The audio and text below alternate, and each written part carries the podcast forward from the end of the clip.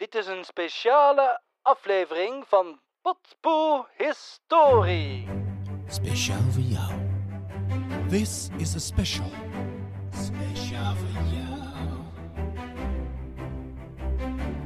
Potpoe-historie. Ja, We, zijn- Ronald. we hebben nationale bekendheid verworven. Nationale radio zijn we geweest. Nou ja, jij hebt er een geweldige performance weggegeven. Op nationale, dames en heren, nationale radio. Dankjewel, Simon. En wat was het leuk. Ja, want Weet je nog dat ik je appte? Dat ik zei, wat ik nou meemaak? eh, ja, ik dacht, eh, ja, maar ik zat, daar, ik zat nog ergens op een Franse camping. Ja, gezellig. In Met de... een Cronenberg. Ja, Ja, voor mijn eh snuffert. en ik kreeg ineens een appje van jou. het kan zomaar zo zijn dat ik zondagavond in de NPO eh, Radio 1 uitzending van eh, Frank Evenblij en Erik Dijkstra zit te plekken. Ik dacht Zeg. echt even, you're pulling my leg. Maar je bent gewoon door de ballotage heen. eh, Dat, eh, dat, lukte, dat lukte in één keer. Ja, En ik mocht ten tonele verschijnen. En eh, dat was echt een hele leuke ervaring. want het was dus vanwege de Vuelta die Breda aandeed. Ja, dat is een Spaanse wielerronde. Die dus dit jaar, de eerste drie dagen, werden gereden in, in, in Nederland. In het Utrechtse en in Breda. En de derde avond in Breda mocht ik wat komen vertellen over een, eh, een, een geschiedenisfeit. eh, dat eh, zowel de Spanjaarden als de Nederlanders gemeenschappelijke geschiedenis. Ja, het was namelijk weer een soort teruggrijpen op de, een van de andere keren dat de Spanjaarden, even tussen haakjes, stad Breda bezet hadden. Juist. In dit geval de Vuelta, een Ja. enorme wielerronde. En De er stad was dus- ook hermetisch afgesloten. hermetisch afgesloten inderdaad. Je kon alleen met, een, met, een, met, met de, de turfschuit nog Precies, in- in. na een maandenlang beleg. Maar dat was dus een aanleiding om een historisch feit uit de 80-jarige oorlog, oftewel de opstand, ehm, om daar weer eens aandacht aan te besteden. Ja, precies. Nou, daar heb ik wat tijd voor gekregen, maar zoals je hebt gemerkt, kwam er een sportuitzending tussendoor. Waardoor eh, mijn 10 minuten eh, totaal zeven werden. En ik dacht, het is wel leuk om deze Ja. special even in het leven te roepen. Om het verhaal nog even iets beter uit de, uit de doek te Ik kan nog even. eh, het was dus in een café in, ja, eh, Boerke Verschuren in eh, Breda. in Breda. En daar was dan de uitzending gewoon ergens in een hoek. Ik zat thuis te kijken met de livestream, wij allemaal. Ja, Het was ja. geweldig. Ik, Leuk, ik, ja, ik, ik- zenuwen. Ja, Gewoon ik, zenuwen. ja, ik had ook wel een beetje vlinders in de buik. Maar ik vond het ook wel tof. Jij had gelijk dat screenshotje met eh, dat, dat je dan toch je naam met, eh, op, op De titel. de radio ziet. Ja, ja, podcastmaker. Podcast maken. Die gaan Ja, we. We moeten onze serieus. LinkedIn. eh, Die gaan we even toevoegen hoor. LinkedIn moet, onze LinkedIn's moeten we gaan bijwerken. Het was ook zo leuk dat hij eigenlijk in de vooraankondiging, nog eigenlijk voordat je aan tafel zat, had hij al een, Een kwinkslag, een kwinkslag met potpourri. Het is een potpourri. In de straten van Breda was het vandaag een potpourri van Spaanse vlaggen, muziek en eten. Met open armen werden de Spanjaarden en hun Vuelta in de stad ontvangen. En toen mocht jij gaan zitten. En toen heeft hij ook, toen ik dat hoorde was ik fantastisch toen die Erik dus de potpourri-historie zei. Ja, hier bij ons aangeschoven Ronald van Heringen. Die maakte Bredaanse geschiedenispodcast Potpoe-historie. Dat vond ik dan geweldig. Het, het kippenvel op de arm. Ooit bedacht ergens in een eh, keuken in Dordrecht. Ja. Terwijl we keken naar Zwijndrecht wat zich opmaakte voor de nacht. Maar wat staan we op de kaart, Simon, na deze uitzending? Eh, Ja, het is we fantastisch. staan gewoon op de kaart. National Radio. Eh, dit was dus aanleiding om nog eens even na deze uitzending eh, nog eens even bij, stil te staan bij het turfschip van Breda. Ja, ik wil dan toch het wat uitgebreidere verhaal van het turfschip van Breda met jou delen, Simon. We hebben het over Nederland in eh, 1590. Dat is het jaar van het turfschip. Nou, in die tijd waren de 17 provinciën, die je tegenwoordig terugvindt in het eh, huidige België, Luxemburg en Nederland, waren door Karel V ondergebracht eh, in de, de Nederlanden, de 17 provinciën. Karel V was ook natuurlijk de keizer van het Heilige Roomse Rijk. En het Spaanse Rijk, echt een enorm machtig man. Willem van Oranje, onze vader des vaderlands, die erft eh, het prinsdom eh, Orange van zijn neef René van Chalon. René van Chalon, zeker. kennen we allemaal. Die ligt ook eh, overigens in de grote kerk van Breda begraven, Ja. onze René. Eh, Ik reed deze zomer ook eh, voorbij Chalon, geloof ik. Ja, Jazeker. oké, wat leuk. Ik ben er niet uitgelopen. ik ben er niet uit de auto gegaan, maar ik heb het wel even Gesalueerd. gesalueerd in, in mind. In Ja, mind. heel mooi. Eh, Karel V stemt in met eh, het eh, prinsschap van Willem. onder de voorwaarde dat hij wordt opgevoed op het hof van Karel V. En dat was om te voorkomen dat ehm, met het aannemen van de erfenis, met alle titels en gebieden, dat die niet naar Duitsland zouden gaan waar hij eigenlijk zat. Aha. Nee, want Willem van Oranje zat natuurlijk in de Duitse gebieden. En zijn vader was een protestant. Ja. En Karel V was bang dat dan ehm, een hele grote erfenis eh, uit het rijk van Karel zou wegvloeien. Dat stukje orange uit naar eh, de, Frankrijk. Ja, precies. En ook eh, hele invloedrijke titels die verbonden waren aan de erfenis. Dus ja. Aha. Dus was inderdaad de voorwaarde dat hij dan naar Brussel zou komen. Ja. Om, En dat zit er bij de zus van Karel, Maria van Hongarije. In 1555, dat is elf jaar nadat hij de prinstitel erft, betreedt eh, Philips II de troon van Karel V, van zijn vader. De Philips werd de baas in de Nederlanden, onder andere.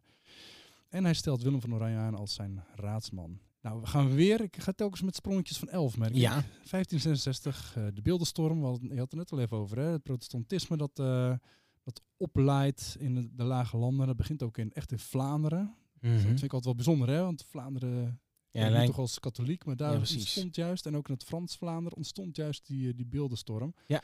En hij eh, kruipt langzaam in een aantal dagen naar boven. Hij komt ook in, eh, in Brabant en in, in Breda. Dan komt Alva, de IJzeren Hertog, in naam van Philips in Brussel aan om eh, korte metten te maken. En hij confiskeert het zuiden van, de, van het huidige Nederland, waaronder ook Breda.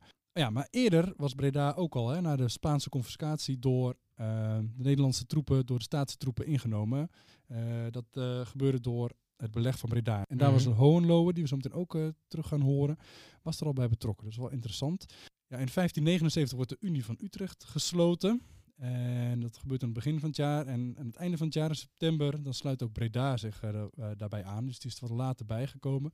En in 1581 eh, tekenen een aantal provinciën eh, het plakkaat van verlatingen. Waaronder het eh, hertogdom Brabant, waarin Breda dus ligt.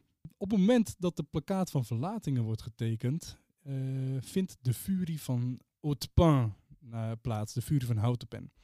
En Breda wordt ingenomen door de Spanjaarden. En dat is eigenlijk de status waarin we ons in eh, 1590 in dat jaar bevinden. Dus negen jaar na de inname door de Spanjaarden is het wel eens tijd om Breda terug te nemen voor de staatse troepen. En de plakkaat van verlatingen is eigenlijk een soort Declaration of Independence. Zeker. Waarbij men zegt, eh, wij zweren de... Wat was dat, de plakkaat van verlatingen? Eh, wij zweren hem af. Dat, eh, dat ze Philips, dat ze uitspreken dat ze ja, Philips wordt niet meer als vorst geaccepteerd Ja. door, in de Wij Nederlanden. zweren hem af. En dan, negen jaar na die inname van Breda door de Spanjaarden, vindt de list met het turfschip plaats. Ja, en dit is dus eigenlijk ons eigen paard van Troje verhaal. Juist. En dat ga ik nu. Dat ga jij vertellen. nu vertellen. We hebben het al gehad over Willem van Oranje. Nou, Willem van Oranje werd doodgeschoten door Balthasar Gerards. Mhm. En eh, zijn zoon, Maurits, die volgt hem op. Eerst als stadhouder van Holland en Zeeland. En zeker ook als aanvoerder van de, van de van de, opstand. van de militaire, ja precies, van de opstand. Nou, eh, Maurits die had een idee. Eh, van wie het idee komt is niet helemaal duidelijk. Maar we weten wel dat Willem van Oranje er ook ooit over heeft geschreven met eh Hohenlohe, zijn aanstaande schoonzoon. Namelijk, Breda moeten we innemen, maar eigenlijk hebben we te weinig mankrachten. Dus we zouden het met een list moeten doen. Bijvoorbeeld door in het geniep het kasteel binnen te dringen. En het kan zijn dat Maurits die brief onder ogen is gekomen, of misschien wel zijn raadspensionaris, Johan van Oldenbarneveld. Maar in ieder geval, een feit is dat eh, Maurits en Johan van Oldenbarneveld Charles de Hérogère benaderen om een list uit te gaan voeren. En de turfschipper op het kasteel van Breda, dus de man die de brandstof leverde, de turf. Dat ging gewoon door. Dat was nog steeds nodig. Ondanks Ja, Er zat een, dat het van eh, Spanjaarden was. het kasteel werd bezet door de Spanjaarden. Het was winter. Het was koud. En er zat een Italiaans garnizoen. Nou, die waren misschien wat betere temperaturen zelfs gewend dan in het koude kikkerlandje. Dus eh, ik kan me voorstellen dat er flink turf werd afgeleverd. Dat er flink vraag naar was. Nou, de Hérogère verzamelt 75 mannen, elite troepen uit de verschillende garnizoenen. En eh, het werd eigenlijk een soort commando-onderneming. En er moest een schip komen. Nou, dat schip was er al, dat voer dus eh, frequent op het kasteel. En het schip was van de familie van Bergen. Mhm. De schipper Adriaan van Bergen uit Leur, die eh, werd benaderd om mee te helpen aan de list om het kasteel in Breda te gaan eh, veroveren en daarmee ook de stad. Nou, Adriaan had een eh, schip. Hij had een, eh, een turfschuit, een pleit, een type pleit. Dat was een eh, platbodem met een zeiltje. En hij kwam uit een Leurse familie. En die hadden een familiebedrijf in de turfvaart. Nou ja, wat ik ook al zei, in de uitzending in West-Brabant werd heel veel turf eh, gestoken, turf gewonnen, ook in Vlaanderen. En dat werd dan eh, via turfvaarten. Ja. Ja, dat werd dan via turfvaarten op turfschuiten naar, eh, naar de steden gevaren. Adriaan had een schip. Dat schip was mogelijk eh, lek. Dat was of eh expres gedaan of eh, door achterstallig de- onderhoud. Het was lek. Ja, dat, Dus voor de operatie kon beginnen, zei iemand, hey, dat schip is lek. Omdat het lek was, eh, moest er constant gepompt worden en dat maakte geluid. En dat eh, was een beetje als eh, cover-up voor de, voor de manschappen die zich in het schip bevonden. Want die 75 man waar ik het over had, onder leiding van de heer Roger, die dus met zijn eh, 76 waren, die zaten verstopt in een dubbele bodem van het schip. het feit dus dat dat lek was, dat dat, dat herrie maakte, dat was juist een mooie soort van... Dekman. Dat ver- ver- verbloemde een beetje het feit dat daar misschien een paar hoestende Ja. eh, ja, mensen zaten die daar natuurlijk verstopt waren. Precies, want gehoest werd er. Er was zelfs één soldaat, Matthijs Held, die hoestte zo erg dat hij tegen zijn, eh, tegen zijn eh, medesoldaten zei van...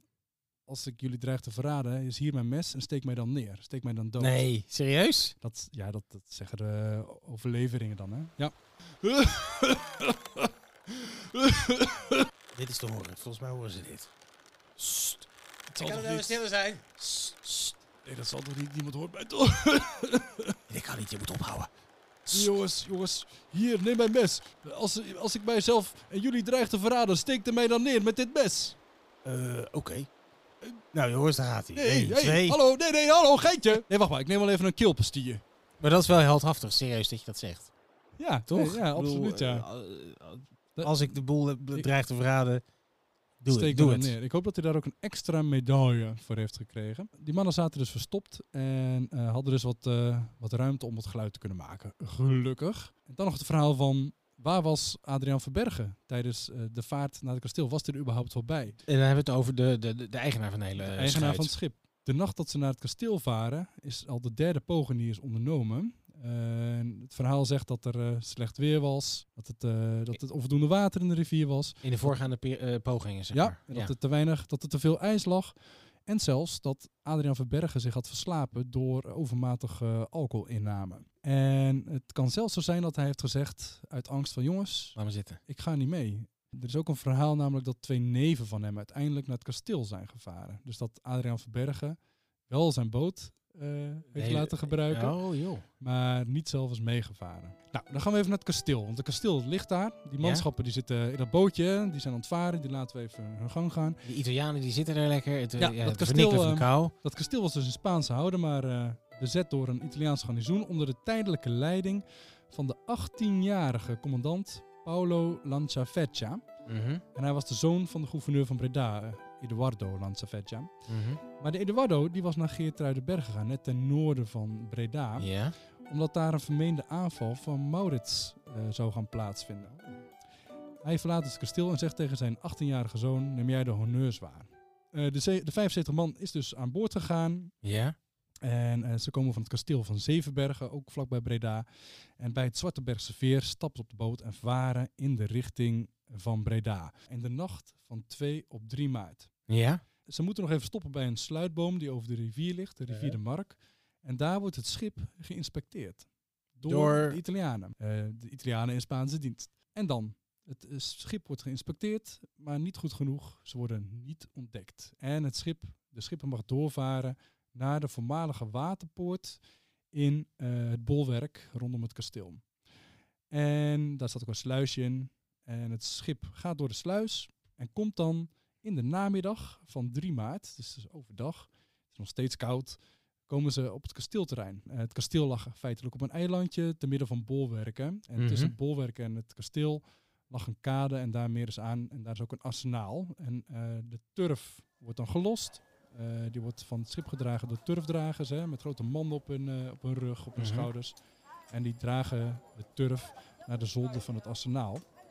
Nou, die mannen die werken stevig door en op een gegeven moment dreigt de bodem, die dubbele bodem in zicht te komen, hè, waar die manschappen Ja, precies. Waar die mannen zitten. Ja. onder verstopt zitten. En dan gaat het verhaal dat de schipper, Adriaan Verberg of niet, of een van zijn Even neven zijn neven. Dat hij eh, geld aan de, de turfdragers geeft en zegt van jongens, ga lekker een biertje halen. Het is wel goed zo, de rest eh, Doen wij doen even. wij wel. En zo kan worden voorkomen dat de dubbele Ah. eh, eh, bodem wordt ontdekt. En het schijnt dat het ook toen vastenavond was, tegenwoordig carnaval geheten. En dat ze hun geld gingen besteden op de carnavalsavond. Het is ook wel echt een Bredaans verhaal natuurlijk. Het is absoluut een Breda's ja, verhaal. ja, hoor, Ja. zeker. En dan diezelfde, diezelfde 3 maart, maar dan Mhm. tegen middernacht, geeft de heer Roger geeft het bevel aan zijn mannen om van boord te gaan van het turfschip. Nou, in twee groepen splitsen ze zich op. Ze nemen het kasteelterrein in. Het kasteelterrein rondom het kasteel. Eh, de Italiaanse manschappen op het kasteel worden overrompeld door de aanval en de commandant Lanzaveggia, die 18-jarige jongen, trekt zich terug in het hoofdgebouw van het kasteel. Mhm. Het kasteel is omsingeld door de staatse troepen, door de 75 man. Bij het van boord gaan van het turfschip is één man, eh, Hans van den Bos, is met zijn zware harnas, wat hij toen nog toch wel aan had, hè, dus zwaar bepakt, in het water geleden en niet meer boven gekomen. Dus de enige staatse soldaat S- eh, die bij de slag is Oh. eh, gevallen. Dus het is puur een, een ongelukkig voorval dan dat hij Ja. dodelijk getroffen was. Ja. Eh, maar goed, die man, dat, dat ventje van 18, dat zit daar dus Dat in zit dat dus in het kasteel. kasteel. En hij geeft zich eh, na onderhandelingen met de heer Rogere tenslotte over. Maar aan de Italiaanse kant, aan de Spaanse kant, eh, waren er 37 eh, manschappen om het leven gekomen. Zo. Nou, ondertussen zijn de staatse troepen gearriveerd. Eh, die zouden dus die schijnaanval doen op Geertruidenberg, maar die zijn doorgestoten naar Breda, wetende dat het turfschip een poging zou doen om daar naar binnen te komen. Nou, dat is een, eh, club soldaten van 4000 voetman en eh, 240 ruiters Mhm. onder leiding van die Philips van Hohenlohen. Eh, dat was de zwager van prins Maurits. Mhm. En van Hohenlohe was getrouwd met Maria, de halfzus eigenlijk van prins Maurits. Dochter van Willem van Oranje dus. Mhm. En de Italianen slaan op de vlucht. Troepen, de extra troepen kunnen binnenkomen. Ze willen via een stadspoort, maar die is dichtgevroren. Dus ze komen heel erg provisorisch eh, via over de stadswallen lopen ze. Maar ze hadden natuurlijk weinig weerstand. Dus ze konden zo de stad in. Ja. Nou, de verslagen commandant, de Italiaanse commandant, eh, Paolo, die eh, krijgt vrijgeleide met zijn overgebleven manschappen. En die mogen dus de stad verlaten. Ja, op dat moment is de bevolking van Breda ook wel weer bang voor die nieuwe manschappen, die nieuwe troepen die in, in de stad staan. Want ja, precies. staats of Spaans, geplunderd zal er worden. Ja. En het stadsbestuur van Breda begint direct te onderhandelen met de troepen. En de uitkomst van de onderhandeling is eigenlijk niet zo eens heel, heel positief voor de stad, die echt een hele hoge eh, prijs heeft betaald aan de veel eisende soldaten die de stad hadden ingenomen. Mhm. Nou, inmiddels eh, arriveert ook eh, prins Maurits met zijn entourage Entourage. in, de- in de stad Breda. En, en naar het schijnt werd hij onthaald door trompetters onder de klanken van het Wilhelmus. Ja, dat is Dat prachtig. moet waar Ja. zijn geweest. Ik zag overigens, eh, even tussendoor, eh, gisteren of eergisteren, bij de, bij de NOS, een item over het Wilhelmus. En dat schijnt dus dat het, eh, het oudste volkslied van de wereld, ter wereld, dat dat vroeger een veel hoger tempo had. En ja. veel meer gedragen tempo, wat het, nou, zoals wij het eigenlijk kennen. Nee, zeker. Ja, dat het da, die, da, die, die, die. En dat ging veel sneller. En er waren ook volgens mij twee Nederlandici, twee da- oudere dames, ja, die dat ook zongen. Best wel goed trouwens, overigens. leuk. En die dat heel, met een heel hoog tempo in die NOS-microfoon aan het eh, Oh, schetteren waren. Ja, dat was wel heel leuk om te horen. Het Wilhelmus is, het liedje is gebaseerd op een oud Frans marsliedje inderdaad. Ja, serieus? Zeker. En de tekst, gewoon even een Leo Blokhuis moment. ja, nou, ja, ik weet dat toevallig. en ehm, tot 1930 ongeveer was, of, of was, was het Nederlands volkslied helemaal niet het Wilhelmus, maar wie Nederlands bloed door het aderen vloeit. Maar dat klinkt natuurlijk Oh. niet heel erg eh, ehm, ja, positief. Nee. En toen hebben ze dat oude volksliedje, dat oude marsliedje, hebben ze eh, als volkslied eh, gebombardeerd. Maar wel, ja, misschien wat protestantser eh tempootje. Dus lekker Ja, traag. precies. Dan, dan gaan we even terug naar Paolo en zijn vader Eduardo, de Italiaanse eh, gouverneur van de stad Breda en zijn zoon, die dus de stad verloren hadden op de staatse troepen. Zij vluchten naar Brussel en moeten daar eh, verantwoording afleggen tegenover eh, het Spaanse bestuur. Ja. En naar verluid neemt de vader alle schuld op zich Ja. en eh, wordt ook weer naar verluid onthoofd Oh, ja? in Brussel. Ja, net als trouwens de inspecteur van het schip. De inspecteur. Oh, de, de man die ja, gefaald had om Om de dubbele bodem te zien. Ja. Maar Adriaan en de zijnen en zijn familie werden rijkelijk beloond in hun aandeel in de list.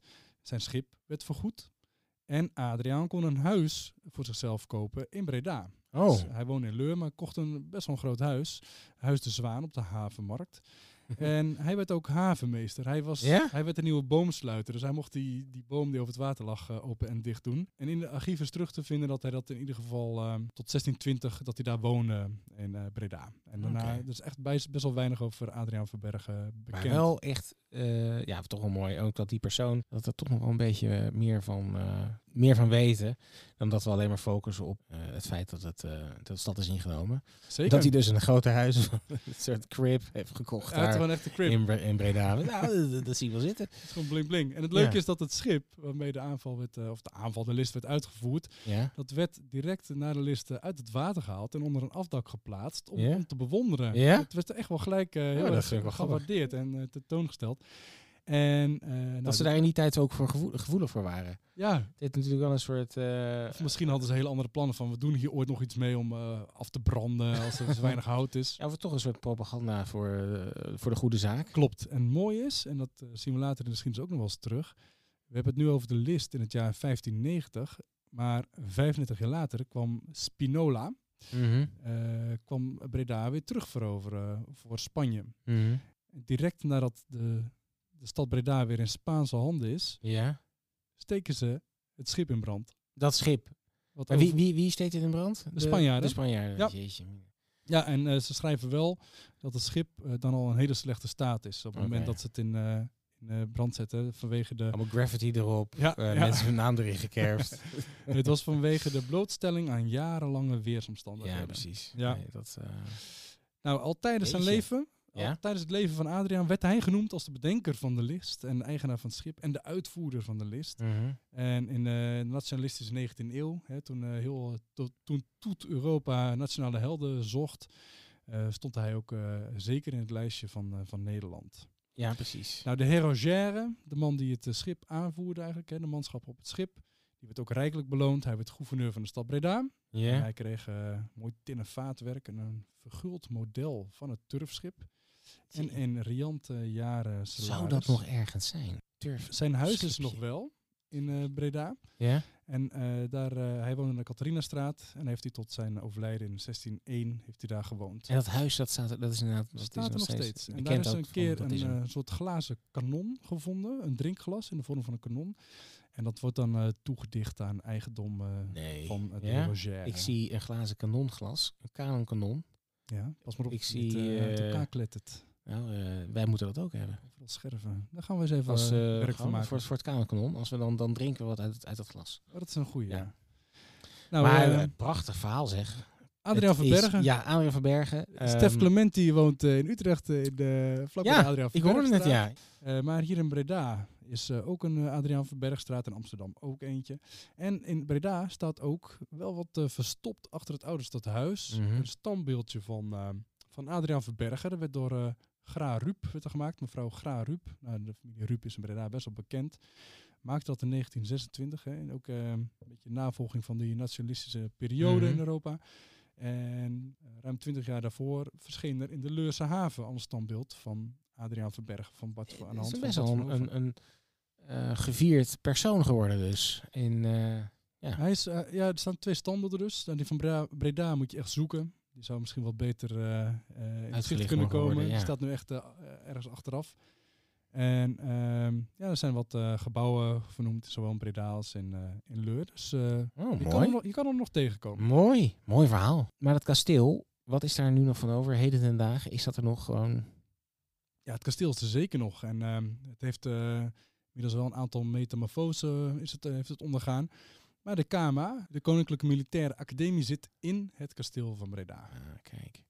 Ja, Roland, mooi verhaal. En inderdaad wat je zegt, dit hadden we gewoon, eh, dit had je natuurlijk eh, integraal willen vertellen in de radio-uitzending. Uiteraard. Maar Maar- vandaar dus deze Ja. special. En dit is geen reguliere uitzending. Nee, dames is en geen heren. reguliere aflevering. Nee, nee, nee, nee. Nee. willen we even benadrukken. Dit was het.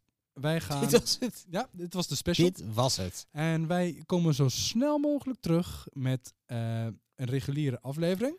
Nou, sterker nog, eh, we zitten hier in de studio en die knallen we hier gewoon eh, daarna even op de band. Maar Ja. dat, eh, dat, dat, nee, ja, Dat hè. is eh, te technisch, denk ik. dat is te technisch, dit, dit, dit verhaal. Nee, maar dank, dankjewel, Ronald. Ik ga toch nog even een soort radio. eh dankjewel, wat leuk dat je dit kan vertellen.